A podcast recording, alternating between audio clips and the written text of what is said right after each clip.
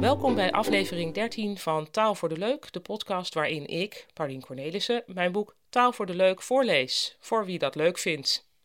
Van taal is toch best leuk, nou vooral heel moeilijk vind ik. En nu ga ik voorlezen. De Krasie. Voor wie het programma Heel Holland Bakt nog nooit gezien heeft omdat hij, zij alleen goedgekeurde documentaires kijkt, het is een bakwedstrijd gebracht door Omroep Max. Elke week valt er een kandidaat af en de rest komt denk ik aan. In de jury zit een culinair journalist die Jannie heet en een Brabantse patissier met de naam Robert. Robert is een man die je graag in je familie zou willen hebben qua algehele gezelligheid, maar ook qua wat hij op verjaardagen mee zou nemen in een grote vierkante witte doos. Belangrijk bij elke taart en elk taartje is de decoratie, al dus Robert. Een marsepeinroosje hier, een fondantroosje daar, want pas met de juiste decoratie ziet een baksel er schoon uit en dat is essentieel. Zou ik zo in de winkel neerzetten, zegt Robert, en dat is de hoogste eer. In mijn leven is nooit zoveel ruimte voor decoratie. Ik ben al blij als er iets lekkers uit de oven komt en de decoratie laat ik dan maar even zitten. Ik vraag me ook af of alle nadruk op decoratie wel zo verstandig is. Is het niet beter om iets te maken wat er niet uitziet, om daarna iedereen weg te blazen met de smaak? Jeetje, we dachten dat je een berg harde kots voor ons neerzette, maar nu blijkt dit het lekkerste te zijn dat we ooit geproefd hebben. Ooit sprak ik een man die als levensles had dat je in het begin van een relatie altijd meteen je slechtste zelf moest laten zien. Dus gewoon ruftend voor de tv gaan hangen, geen geïnteresseerde vragen stellen, ook veel belangrijke kalendermomenten vergeten. Op die manier kon je later ook niet tegenvallen. Hij presenteerde zichzelf om in heel Holland bakt termen te spreken zonder decratie. Nu is het makkelijk om zo iemand af te schrijven als een gevaarlijke zonderling, maar hij had toevallig wel gewoon een vrouw en kinderen, en niemand in dit fel realistische gezin leek bijzonder ongelukkig. Terzijde, ja, ik weet niet of, het, of ik dit eigenlijk lezend wel over kon brengen, maar decratie schrijf ik dus D-E-K-R-A-S-I-E, decratie, en dat is hoe Robert decoratie uitspreekt. Robert weet zelf ook dat hij voorkomt in dit boek. Ik ben een keer bij een programma van Omroep Max uh, geweest in de uitzending. En toen had hij een soort lekkernijen voor mij in een, in een zakje gestopt. Die we toen lekker thuis hebben opgegeten. Dankjewel nog, Robert, als je naar de podcast luistert. Langer worden. Wat ik kinderachtig vind, is dat sommige landen zo bezitterig doen over het woord voor personen die ze de ruimte inschieten.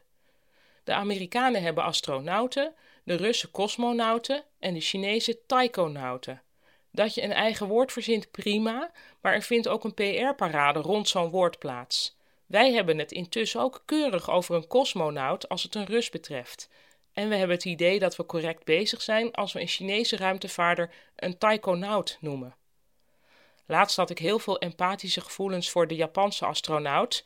Die noemen we dan wel weer gewoon astronaut en geen Uchu Hikoshi.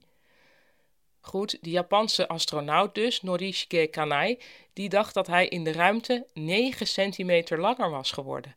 Eerst dacht ik dat hij een beetje mal was geworden daarboven.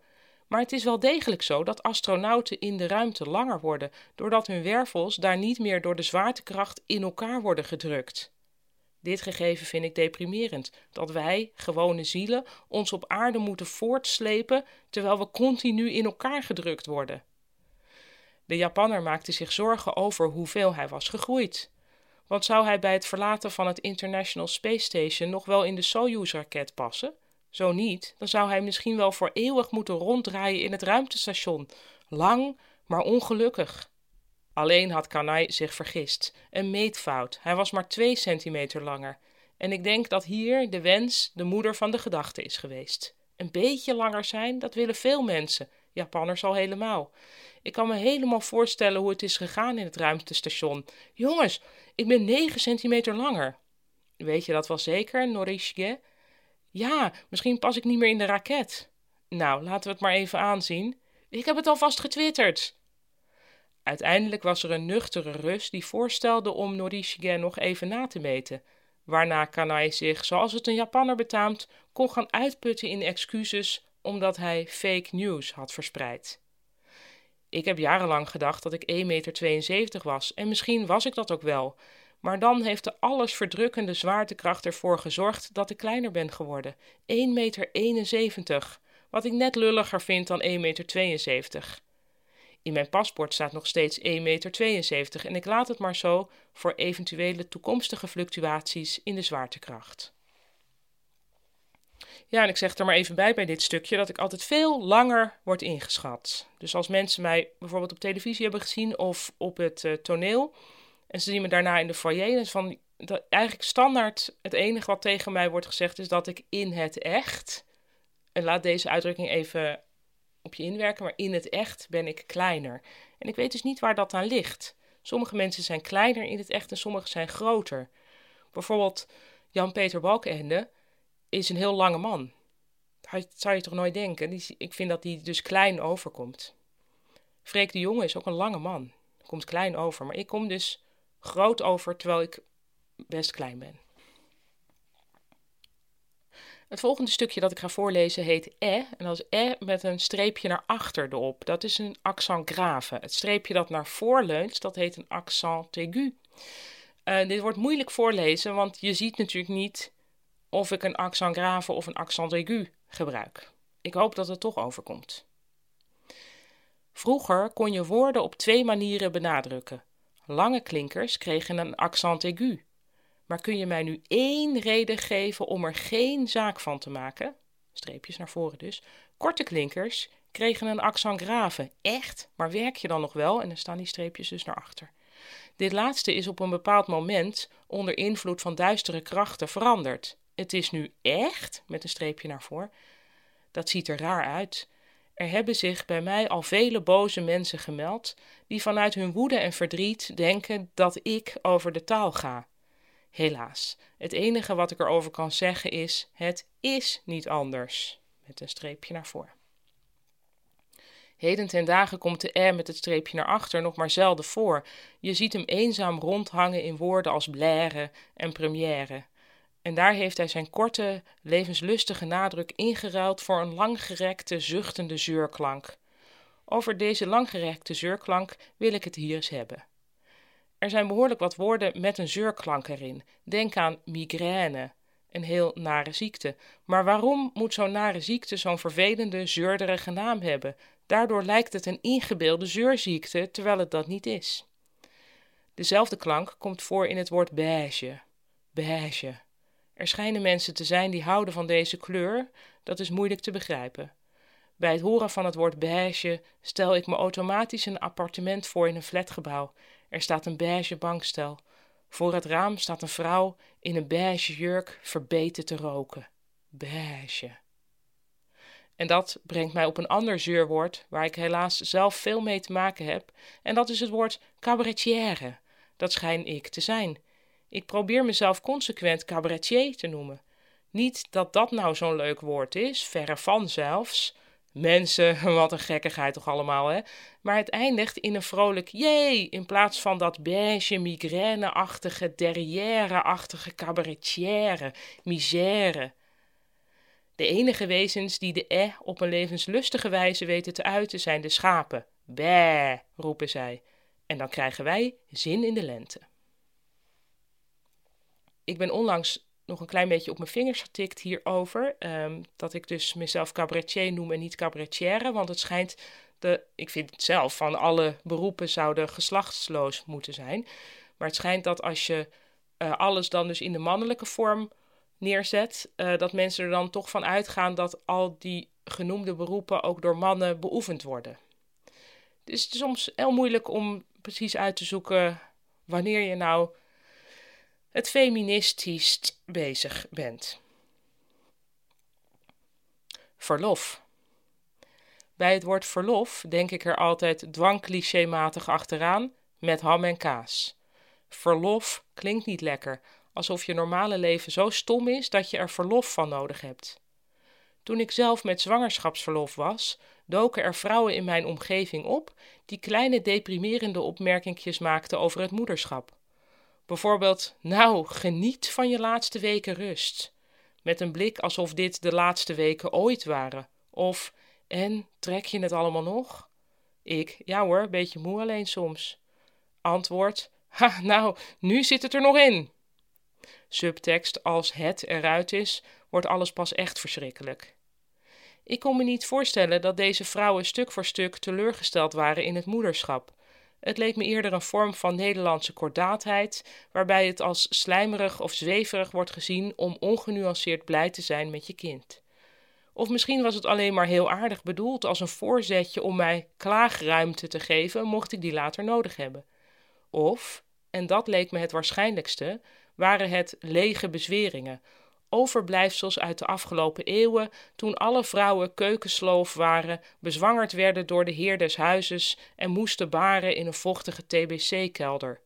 Met een ondervoede peuter aan de tiet, vettige haarslierten uit het gezicht duwend, kauwend op een stuk reuzel dat iedereen in mijn omgeving, en ikzelf al helemaal, ver in de dertig was voordat een diepe kinderwens eindelijk in vervulling ging, was blijkbaar geen reden om afstand te doen van die meid I feel your pain toon.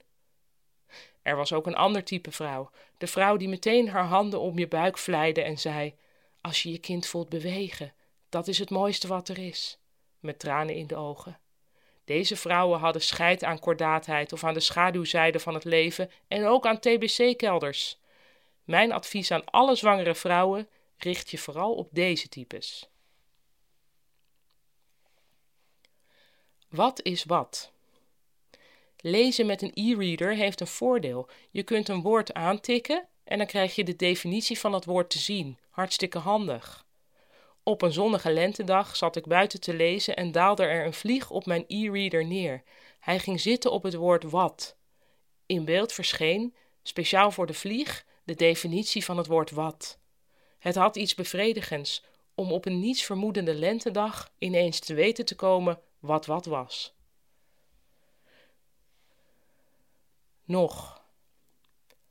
Lente, moeilijk jaargetijde. Is het nou koud of warm? Op straat zie je meteen het verschil tussen de pessimisten en de optimisten, de warmbloedigen en de hagedissen. Er zijn levenslustige types die meteen in t-shirt de straat op gaan. Van een afstand kun je niet zien of ze kippenvel hebben, wel dat ze blij zijn met hun keuze. Hier loop ik, in mijn t-shirt. Ha!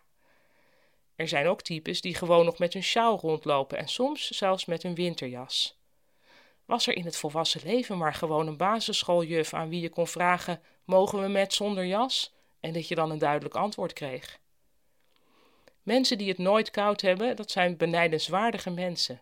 Je vermoedt dat ze ook goed met honden kunnen omgaan en dat alle kinderen ze leuk vinden en dat ze een schuur kunnen bouwen. Iedereen die net als ik kouwelijk is aangelegd, kan zich behelpen met de volgende zin: anders nog best fris, nog. Nog. Een woord dat als je het vaak genoeg achter elkaar zegt, klinkt alsof de Cro-Magnon-mens het ook al zei. Nog, nog, nog. Nog zegt iets over wat er is, maar niet meer voor lang. Nog gaat over vergankelijkheid. Een ideaal woord voor de lente. Het woord wordt ook op een paar andere mysterieuze manieren gebruikt. Ten eerste in de volgende situatie. Een man staat in een witgoedzaak. Hij wijst op een droger en vraagt: Wat kost dat nou nog? Hij heeft het niet over een oud model dat hij vroeger alles aanschafte. Hij weet niet wat het ooit kostte, nog weet hij wat het zal gaan kosten. Hier geeft nog eerder de suggestie dat hij weet waarover het gaat, toen ik zelf in de witgoedbranche zat. Nog als ongedefinieerd jargon. Of als onderhandelingsstrategie. Wat een stuk schroot, wat durf je daar toch nog voor te vragen? Ten tweede is er een bepaald type bejaarde dat nog gebruikt in plaats van ook de thuiszorg is geweest. En wat zei ze nou nog maar weer? Oh ja, ik moet meer water drinken. Dit nog vertedert mij. Verder is het woord nog vooral handig om nostalgisch mee te Benny Nijmannen. Waarom fluister ik je naam nog? Waarbij voor optimaal metrisch effect fluister moet worden uitgesproken als verluister. Maar daar gaat het nu niet om terzijde bij dit stukje. Ja, het valt me nu op dat ik het woord bejaarde opschrijf. Uh, volgens mij mag dat inmiddels uh, niet meer. Moet je zeggen senior of senioren. Dus dit zal dan, ja, dat is dan nu voor de record Want dit blijft natuurlijk eeuwig bestaan, deze podcast. Sorry. Benoem. Iemand in mijn omgeving werd voor de landelijke verkiezingen per brief benoemd tot teller met een hoofdletter T. Deze persoon was daar erg verguld mee, omdat hij nooit eerder ergens toe benoemd werd. Eindelijk een officiële functie.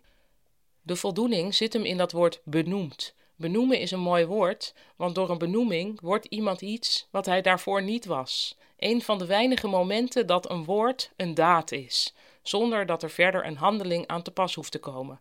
Als de juiste persoon zegt: Ik benoem je tot, nou vul maar iets in, dan is dat zo. Maar er is ook een andere kant van dat woord. Ergens in de jaren 80 of 90 is benoemen juist iets heel onofficieels geworden, iets vaags en omcirkelends. We kennen het sinds die tijd uit zinnen als: En probeer dat gevoel nou eens te benoemen. En ik hoor dat je moeite hebt om jouw drive te benoemen, en daar gaan we dus aan werken. Therapieën, trainingen, cursussen tot zelfverbetering. Er wordt wat afbenoemd vanuit de gedachte: als iets benoemd is, mag het bestaan, mag het er zijn. En dan kun je je er binnen dezezelfde sfeer toe verhouden. Om daarna iets in jezelf te herkennen, maar ook te erkennen, want dat zijn belangrijke dingen. Omdat bijna iedereen wel eens in therapie of op cursus of op training is geweest, heeft iedereen het over benoemen, ook buiten de therapiesetting om. Dat je nog benoemd kan worden tot iets, tot teller, met een hoofdletter bijvoorbeeld, zag er op papier ineens nostalgisch uit. Het slaat natuurlijk nergens op, maar soms vraag ik me af wat woorden hier zelf van vinden. Hoe zou het zijn om eeuwenlang het officieelste woord op aarde te zijn geweest en jezelf dan ineens met steeds grotere frequentie te bevinden in een setting met een systeemplafond, een whiteboard en bekertjes lauwe koffie? Of juist met een klein tafeltje, twee kuipfortuitjes, een doos Kleenex en een tikkende klok. Heb je daarvoor gekozen als woord? Het is een beetje alsof Piet Hein Donner gedwongen aan de slag zou moeten als eurythmie-instructeur. Nogmaals, het slaat nergens op, maar soms kan ik zo'n medelijden hebben. Klein terzijde voor mensen die uh, taalnerd zijn of er extra in geïnteresseerd zijn. Zo'n woord dat iets verandert in de wereld. Um, dus een woord dat een daad is, dat heet ook wel een performatief. En hierbij benoem ik u tot koning van het Rijk der Nederlanden. Nou, dan is het zo, dan is het woord een daad geworden, een performatief. En dit was alweer aflevering 13 van Taal voor de Leuk, de podcast. Tot morgen, dan is er weer een nieuwe aflevering.